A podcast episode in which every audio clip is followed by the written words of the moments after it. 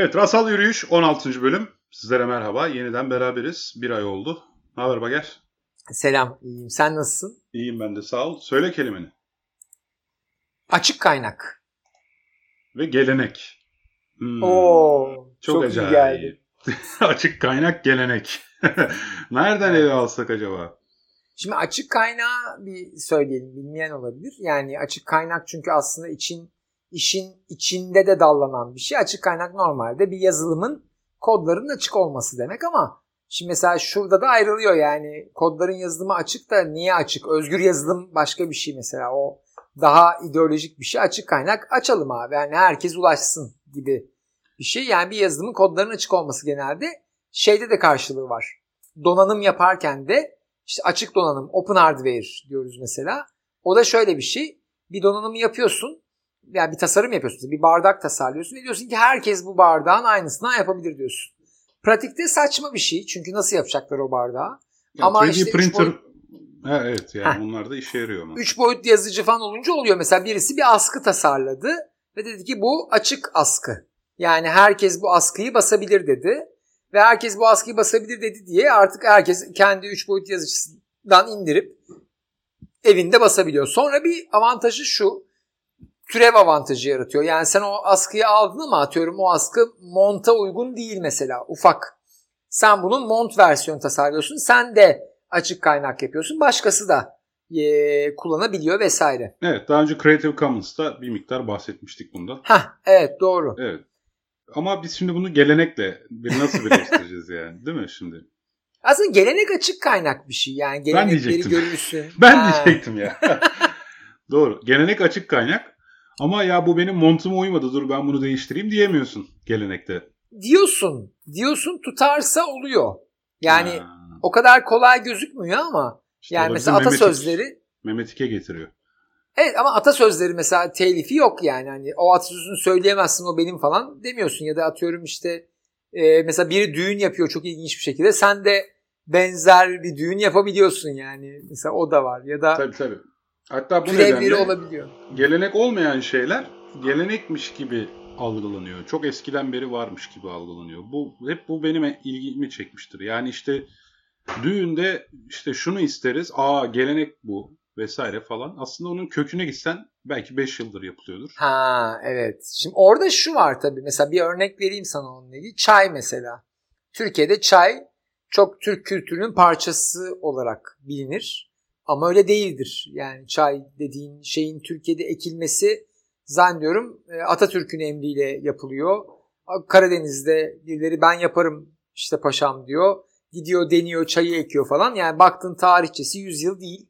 E, ama çay sanki o çay ince belli çay bardağı sorsan sokakta ve bin yıllık falan der insanlar. Daha yani enteresan. Cam... Kahve bizim için çok daha geçmişe dayalı bir gelenek. Ama Tabii. kahve daha yabancı ama çay daha yerelmiş gibi algılanıyor. Öyle. Bir de şimdi Türk kahvesine ilginç bir şey. Ben yıllarca Türk kahvesini Türkiye'de yetişiyor falan zannetmiştim. Yani çocukken hatırlıyorum. Türk kahvesi dediğimiz şeyin aslında bir kahve olmadığını, kahve pişirme usulü olduğunu yani doğrusu Türk usulü kahve olduğunu yıllar sonra öğrendim. Çünkü evet. biz şey Türk kahvesi deyince sanki hani Türklerin bir kahvesi vardı o. Hayır canım yani çekimi aşağı yukarı belli zaten. Olay senin canını çıkarmasında, çıkarmanda. Çünkü Türk usulü çay da vardır bu arada yani Kayseri usulü demleme Türk kahvesine kavramsal olarak benzer çünkü optimizasyondur problem. Yani Türk kahvesinin en büyük esprisi şudur. E, kötü kalite bir kahveden inanılmaz verim çıkartma odaklıdır. Yani düşünsene ateşe tutuyorsun kahveyi. Yani canını okuyorsun böyle oradaki dönüşüm inanılmaz ve sen aslında derdin ne? Kahveden kafeini maksimum miktarda çekebilmek ki karşı tarafı uyandırabilmek aslında. Yani bir espressonun yapımında kahve ziyan ediliyor Türk kahvesi mantığından baktığın zaman. Tabii tabii tabii. Aynen. Aynen. Yani e, yine gelenekle ilgili aklıma şöyle bir anekdot geliyor. Mesela şu an biraz İslamcı ideolojiye sahip olan ya da Osmanlıcı ideolojiye sahip olanlar Fes'i çok kutsama durumundalar. Fes onlar evet. için eskinin, geleneğin temsili. Ama Fes çıktığı dönemde Yunanlılardan geçtiği için yenilikçilerin hmm. simgesiydi ve Osmanlı'daki e, daha din temelli olanlar Fes'i ala, alafranga diye Fes takanları aşağılıyorlar ve Fes'i istemiyorlardı. Tabii. Tabii. Mesela Bu arada ben an sana ha, sen Fes söyle. gelenek haline gelmiş yenilikken ve şimdi zamanında karşı olunan bir yenilik olmasına rağmen şimdi zamanında yine karşı olanların kullandığı bir gelenek simgesine dönüşmüş. Bu Tabii. geleneğin aslında ne kadar konstrüktivist bir e, yapısı olduğunu gösteriyor aynı zamanda. Bir yandan da bilimin bunun farkında olmadığını da görüyoruz. Yani gelenek kurmanın aslında bilimde çok şey yok ya. Mesela bilim biraz daha gelenekleri reddeden akılcı bir yapıdadır. Ama aslında bilim de gelenek oluşturur. Buna itiraz edebilirim ama ya. Yani bilimde Niye? akademik yayıncılık bir gelenektir. Hayır o anlamda demedim. Yani gelenek olduğu için bir şeyi doğru kabul etmez. Ha tabii Doğru tabii tabii. sorgular. Yani gelenekselliğe atıf yüzden- yaparak kabul edemezsin tabii. Evet. Aynen öyle. Mesela ilaç üretiminde de yani biz yüzyıllardır böyle tedavi ediyoruz böyle olmalı demez. Onu laboratuvar sokar dener. Ama aslında e, bilimin de bir gelenek oluşturduğunu görmek. Yani bu şey tartışmasına gidiyor. E, Daniel Dennett'in bir lafı vardı. Yani ben işte bir kitap yazıyorum. E, 10 bin kişi okuyor. E, adam biri işte dünyanın 5 mistik anlamı diye bir kitap yazıyor. 100 milyon kişi okuyor. Yani arkadaşlar bizim böyle kitaplar yazmamız lazım diye bir şey yapıyordu yani üzgün bir şekilde haykırıyordu yani bizim daha gelenek oluşturabilecek bilim kitapları yazmaya ihtiyacımız var gibi bir şeyler söylüyordu. Bana çok ilginç gelmişti. Bu arada demin dediğin yere çekeceğim o festle ilgili. Sana ilginç bir hikaye anlatayım. Kaynakçasını hatırlamıyorum çünkü bu internet öncesi dönemde öğrendiğim bir sözlü olarak öğrendiğim bir hikaye ama doğru olma ihtimali yüksek çünkü çok gerçekten iyi bir animatörden kültürlü birini öğrenmiştim.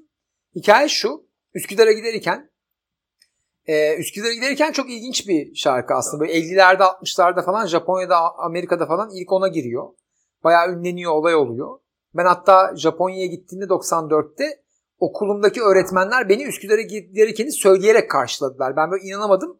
Yarısı Japonca yarısı Türkçe versiyonları falan var. Evet ben niyeyse Japonca versiyon dinlediğimi hatırlıyorum şu an. Heh. Şimdi orada ilginç bir şey var. Üsküdar'a giderken de söylenme şekli çok şeydir Türkçe'de. Böyle koro, böyle devlet falan böyle bir şey protokol gibidir. Halbuki Üsküdar'a giderken ilk protest şarkılardan biri olarak geçer Osmanlı'da. Yani kıyafet kanunu çıkmıştır. Ya o katibime aslında böyle zannediyorum Kanlıca'daki Külhan Beyleri yani böyle dalga geçmek için işte katibimin setresi uzun eteği çamur falan diye yani orada geçen böyle kılık kıyafet yeni kıyafete uymuş katiple makara yapıyorlar diye bir alıntı var. Hatta o şeyden de geliyor. Bu hikaye çok ilginç. İrlanda'ya bir bizim bir gemi mi ne gidiyor yanlış hatırlamıyorsam. O gemi orada kalıyor. İngiltere savaşta destek oluyor vesaire. Onlar da bir birlik yolluyor. Bunlar Kanlıca Tepesi'ne yerleşiyor. Ve onlar onu duyuyorlar. Yani o dönem popüler oluyor ve İrlanda'da bir versiyonu olduğu yerel yüzyıllardır söylenen bir versiyonu olduğu falan söylenir. Tam dediğin o şeyden bana çok garip gelmişti. Yani protest bir şarkının aslında bir süre sonra devlet şarkısına dönebilmesi hikayesi zaman içerisinde çok acayip O gelmişti. zaman yani pragmatik geleneği- davranıyor burada. Devlet böyle durumlarda. yani Ha, yani zaman onu ona çeviriyor aslında ve otorite bununla yarışamayacağı için aslında eee, bir süre sonra o yeni norma dönüyor. Ama otorite ne yapıyor? ki. Mesela bu hikayeyi duyana kadar, bu hikayeyi bilene kadar zaten eee, benim için yani buradaki şey gibi, çağdaş sanattaki gibi. Yani message is the medium. Aslında burada ben Yok. hangi anlamı yüklediysem onunla devam ederim. Yani e, hikayesini öğrendiğim zaman zaten bu dediğin du- durum ortaya çıkıyor. Ben onu öğrenene kadar tıpkı şey gibi böyle elektronun yerini ölçene kadar onu gözlemleyene kadar yerini bilmiyorsun ya. Ya ben Ama bu yok. şarkıyı nasıl duyuyorsam öyle devam ediyorum. Ama hikayeyi öğrendiğim zaman aa bu aslında protest şarkıymış deyip benim tuhafıma gitmeye başlıyor. Onun Tamam ama sorun şu, şunu söyleyeceğim. Bir term hijacking dediğimiz bir kavram var. Term hijacking çok önemlidir. Hatta çok yapılır. Yani atıyorum feministler bir kelime çıkartır. Bir, bir kalıp söyler. İşte e, başka bir yani feminist ideolojide olmayan bir topluluk bunu alır kendine çevirir. Mesela şimdi Üsküdar'a giderken protest bir şarkı ve popüler ya ve Evet. otoriteye karşı kullanılıyor ya. Otorite ne yapıyor? Alıyor o şarkıyı otoritenin sembolü haline getirip içine embed ediyor. Yani kaçırıyor aslında o terimi, kavramı yani geleneği tekrar tekrar kurgulatıyor. İşte bilerek Ki- mi yapıyor yoksa bu tuttuğu için böyle mi? Şimdi tuttuğu için kendine çevirmesi gerekiyor. Yani sen onun protest kalmasına izin veremezsin abi. Hmm. Yani popülerse protesti tekrar çok açık algılansaydı öyle olmazdı ama. Yani burada örtük anlam örtük olduğu için öyle. Ya çok ama açık devletin olarak çıkardığı... başıma bir hal gelirse dağlara gel dağlara falan gibi bir şarkıyı alıp kendi protokol şarkısı falan yapamaz. Hmm, yapabilirsin ya. Zamanı gelince yeterince ünlenirse ve yeterince de zaman geçerse yaparsın. Yani çünkü yapamazsın mi abi? Reklam sektörüne bakalım. Reklam sektörü paso bunu yapıyor. Terimleri en çok kaçıran sektör reklam sektörüdür. Yani bir ürünün marka adıyla söylenmesi işte atıyorum. Selpak, Jilet falan gibi. Yani bunlar term hijacking dediğimiz şey ya da iddia mesela. Çocuklar şu an iddiayı doğru yazamıyor yani. Hani evet. ben de yazamıyorum emin değilim ya. O kadar görüyoruz ki imge olarak o yanlış yazımı kelime değişiyor yani. Mesela reklam sektörü mesela bu kavram kaçırma hikayesini aşırı derecede yapar. O yüzden bence çok zor değil yani. Hani kavramın içini değiştirirsin, altını boşaltırsın. Kendine göre gelecek hale çevirebilirsin. Bu planlı yapılabilir mi? Yani ben şunu merak ediyorum. Bu planlı bir süreç sonucunda ortaya çıkan bir olay mıdır yoksa bu değiştikten sonra biz geriye dönüp buna e, planlı gibi mi algılıyoruz? Yani hindsight bias dediğimiz olay var ya. Geri ikisi de var. Yani. Bence yani ikisi de var. Dönerek bir e, zaten olan biteni bildiğimiz için kapıldığımız bir kontrol ha. illüzyonu olabilir mi yani? Yok bak şimdi propaganda dediğimiz şey buna bağlı. O yüzden belirli yerlerde var. Ee, bir kısmı da e, yani şeyle ilgili tarihine sahip çıkamama. Mesela yazılı kültürün olmaması ve şu anda mesela Türkiye'deki durum değişmeye başladı. Çünkü video çekmeyi seviyoruz, fotoğraf çekmeyi seviyoruz ve bunlar içinde arama yapılabilir mediumlara dönecek ya yakında 5-10 yıla video içinde ki konuşmaları arayabileceksin. Mesela kimse evet. bu podcast'te geçen kelimeleri arayamıyor şu anda. Evet. Ama muhtemelen 10 yıl sonra arayabileceksin. Dolayısıyla atıyorum işte e, kavram kaçırma dediğinde bu video çıkabilecek mesela. Şimdi o olduğunda sözlü kültür de hafızaya sahip olacak. Çünkü ondan önce yazılı kültürün hafızası vardı. Yani sözlü kültür kayıt altına alınıp içinde arama yapılamıyorken sözlü kültürler bu hafızaya sahipti. O yüzden Avrupa gibi toplumlar bu hafızayı koruyabildiler. Orada daha az gerçekleşebiliyor bu dediğin şeyler. Ama yakında bizde de belki hafızanın yani toplumda kuvvetli olması bir tür bunu engelleyici faktördür. Ee, hafıza kuvvetsizse çok kolay olur bunlar. Kendiliğinden olan çok daha fazla var dediğin gibi. Ee, mesela tavlada da aynı şey var. Bizim çok konuştuğumuz bir şey. Tavla Türk milli sporu falan gibi algılanır. Alakası yoktur yani. Ne dünyada iyiyiz ne tavla konusunda bir şey biliriz. Yaygındır sadece yani. Başka bir esprisi yok. Sokakta oynandığı için yani.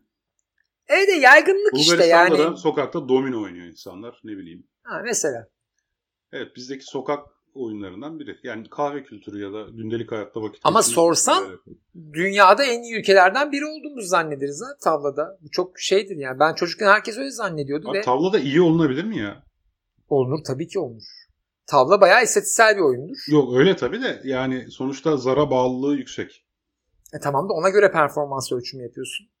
Yani şöyle diyelim. Ya doğru satranç tabii ki daha şampiyonu iyi yenilmez ama Hı. tavla şampiyonu yenilebilir. Heh. Ama istatistiksel olarak görürsün. Benim bir arkadaşımın bir sözü vardı Ender diye. O da şey derdi. Bilerek yenilemediği, bilerek yenilemediğin oyun şansa dayalıdır. Tamam mı?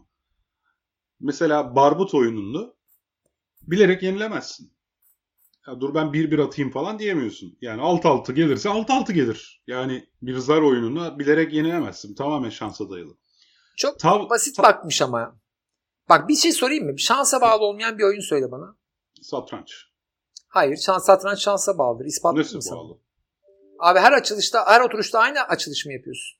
Hayır, kaotik olması şansa bağlı olması demek değil ya. Niye canım? Ka- kontrol edemediğin şans şans değil midir? Abi yok ama şimdi bu mantıkla bakarsan zaten her şey şansa bağlı olur. Hayır Kaotik. değil. Ben sana söyleyeyim mesela boyumuzu ölçsek Hayır, Sürekli boy ölçme ya. oyunu oynayalım. Oyun dedin ya. Oyun. Boy ölçme oyunu yapacağız. Sürekli boyumuzu ölçeceğiz. Tahmin oyunu işte. Ama şimdi sen burada oyunun tanımı üzerinden gidip başka bir şey söylüyorsun. Hayır şunu söylüyorum. Şimdi şansa bağlılık oranını çözebilmemiz için matematiksel olarak bakacaksak %100 aynı sonucun gerçekleşmesi lazım aynı durumdakilerde. Şimdi boy ölçme oyunu %100'e yakın. Yani bir yolda dakika, kaza olabilir ayağa kalkarken. Bir dakika. Getir. Şimdi bilgisayarları programlayalım. Sadece iki oyuncu programlayalım yani birbirleriyle oynasınlar. Tamam. Şimdi satranç oynadıkları zaman tamam mı? Yani ve binlerce oyun oynatalım. Hı hı. E, muhtemelen aynı davranış paternlerini takip edecekler. aynı pozisyonlardan sonra. Aa, nasıl kodlandığına çok bağlı. eminim. Ya çok bağlı tabii de ama tavla oynatsak öyle olmayacak. Çünkü gelen zar her şeyi değiştirir. Tavla daha çok şansa bağlı. Doğru. Ama şunu anlamaya çalışıyorum. Yani oyunları şöyle alacaksak tamamen şansa bağlı ve tamamen şansa bağımsız dersek bir ucunda barbut, diğer ucunda boy ölçme oyunu olur. Bir ucunda tavla, diğer ucunda satranç olmaz. Mesela Texas Hold'em poker tavladan Abi daha çok şansa nedir ya? bağlı. Bana bir boy ölçme oyununu tarif etsene ya. Şöyle senle ben boyumuzu ölçeceğiz. Kim daha uzun? Tamam hiç tanışmıyoruz mesela diye düşünelim. Yaptık. Diyelim ben kazandım. Şimdi ben sana diyorum bir daha oynar mısın? Şimdi o kadar saçma geliyor ki bu soru sana. Ama halbuki bir oyun oynayabilirsin. Ama bunun sebebi şansa bağlılık mı yoksa oyunun Şimdi oyunun düzeni ya oyunun kompleksliği mi? Yani satranç oyununu kompleks olduğu için her seferinde hayır abi sen o gün moralin bozuktur başka bir şey yaparsın. Moralin bozuktur boy dikkatin eksik oyununda olur. hiçbir strateji yok abi. Tamam şimdi onu Bak, diyorum şansa boy bağlı ölçme ol. sadece şansa bağımsız, şans bağımsız değil. Aynı zamanda karar bağımsız. Bir karar almıyor. Barbut, barbut gibi ama iki uçta. Tamam o da Barbutta barbut. da Barbutta almıyorsun. da karar almıyorsun. Tamam mı? Evet. Ona Veya aldığın diyoruz. kararın sonucu olan etkisini ölçemiyorsun. Ya, Evet. Barbut'ta karar alabilirim ben. Yani biraz daha sert atayım ve uzağa atayım ya da ya çeşitli kararlar alabilirim ama Ben de alırım sonuç- canım. Ayağa daha hızlı kalkayım. Sabah ölçüleyeyim. Ama bunların bunların da sonucu etkisi yok doğru da. Ya bir tanesi abi bak tek parametreli ya. Ya şimdi yapma Tamam, Allah bak. aşkına. Hayır hayır. Şimdi çok insan merkezci düşünüyorsun ama bak şimdi Abi matematiksel oyunu olarak insan oynuyor. Kim oynuyor? tamam ama bak matematiksel olarak modellediğimizde iki kişi satranç oynadığında diyelim oynadık ben seni yendim. Bir daha Tamam. oynadığımızda sen beni yenme olasılığın varsa bu şansa bağlıdır. Abi böyle denmez. Hiçbir şey değişmedi. 5 dakika sonra oynadık ya. Ne değişti? Ama bak burada probability ile possibility'yi karıştırıyoruz ya. Ha, güzel tamam. Evet iyi ama bak bu iyi. Şans çok daha genel bir şey. Şimdi masaya nasıl oturduğum. Yani mesela ben seni biz konuş satranç oyunda konuşmayla moralini bozup yenebilmem de duruşum da atıyorum benim o süre metoduna alışkın olmam da falan da ilgili. Biz normalde çok ezbere konuşuyoruz satranç beceriye bağlı derken. Çünkü Ya iki uç biliyoruz. Tavla satranç. Yani Ben de onu açmaya çalışıyorum. Yemek yiyip yemediğim bile vereceğim kararı değiştirebilir o sistem bir Bu kadar sistem iki basit. muhabbeti gibi. Yani evet. Ama bu Evet. oyunun içerisindeki bir faktör değil. Oyuncuya bağlı bir faktörden bahsediyoruz. İşte o yüzden Tamam. ben Şimdi ben yaklaşımımızı sana şöyle yapalım dedim diyeceğim. sana.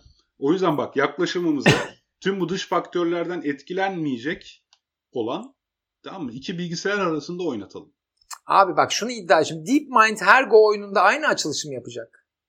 Ya da Ama işte açılış- Deep, Deep Blue işte Alpha, Alpha Go işte ya da Deep Blue her satranç oynayışında aynı açılışımı yapıyor. Hayır yapmayacak. Çünkü Ee? daha henüz bak o bahsettiğin ilk hamle bir yanıt stratejisi olmayan hamle. O yüzden oradan başlıyorsun. Tamam ilk açılışımda niye farklı hamle yapıyorum abi oyun şansa bağlı değilse? En optimum hamleyi yapmam lazım. Abi işte orada bütün hamlelerin şeyi e, eşit muhtemelen ya da her açılışı Harikasın. yapmıyor ki. Mesela bazı aç- en yüksek puanlı açılışları yapıyor ne bileyim yani. Hayır işte ama farklı açılışlar yapıyorsa mesela bak başka bir bilinmezlik sokayım mı oyun içinden? Oyun içindeki bilinmezlikten dolayı şans faktörü. Abi sen alternatif karar sayısı olmasını doğrudan şansa bağlı olması olarak yorumluyorsun. Bak belki Çünkü haklısındır ama alternatif bu kararlar hakkında bilgin itiraz yok. ederim yani. Tamam anladım ama alternatifler kararlar hakkında bilgin olmadığı için şansa bağlı oluyor. Mesela e, borsayı düşün. Borsa niye şansa bağlı? Ya işte biz burada sanki kompleks sistem, kaotik sistem ve şansa bağlı olmak Süper. gibi kavramları birbirine karıştırıyor gibiyiz. Aa, yani. hayır bu bu- tamam karıştırıyoruz ama bak şu iyi şunu kurcalamaya çalışıyorum. Adam niye Nobel ödülü aldı istatistik ekonomiyle ilgili? Yani kimdi 2003'te mi ne? Ne dedi? Yani ekonomi psikolojik Şey bir Kahneman'ı alan. diyorsun da Heh, 2002'de. Şimdi dolayısıyla bunu anlatmaya çalışıyorum. Bunun bu farkında olarak sistemlere bakmamız gerektiğini söylüyorum ha, aslında. tamam ya o işin içine insan girince falan diyorsun. E ama sonuçta insan oynuyor dedin ya sen bana demin şimdi. O yüzden insan Tamam oynuyorsa tamam haklısın. Peki peki tamam. Ama burada şu... Abi bak burada eksik tanımlıyoruz. Eminim E, senin doğru. söylediğini de benim söylediğimi de karşılayan başka bir kavram var burada ama artık onu bulmaya vaktimiz yok. Yo, yo, bravo çok güzel dedin. Yani şansı ben bir çatı terim olarak dilde kullanıldığı gibi aldığım için, bilimsel bir yerden almadığım için hepsine şans deme patavatsızlığını yaptım. Okey bilerek yaptım. Ama o sayede şansı ikiye ayırmamız gerektiği, hatta belki Evet. üçe ayırmamız gerektiği gibi ya bilinmezlik bir tarafı, oy- oyuncunun kendi modu bir tarafı, oyunun izin verdiği yapı bir tarafı. Bunların hepsi bir taraf oldu var. çıktı. Yani Evet. tamam ya evet bak çok güzel. Bunun üzerine düşünelim ya. Tamam güzel. Ayrı ayrı bir Hadi. zamanda düşünelim. Tamam. tamam çok güzel oldu. o zaman Güzel. Hadi görüşürüz. şey oldu. Haftanın yani şey bu yeni serinin ilk programı tam bir geleneğe uygun olarak çok çok uzun sürdü. Neyse hadi görüşürüz. Eyvallah. Hoşçakalın.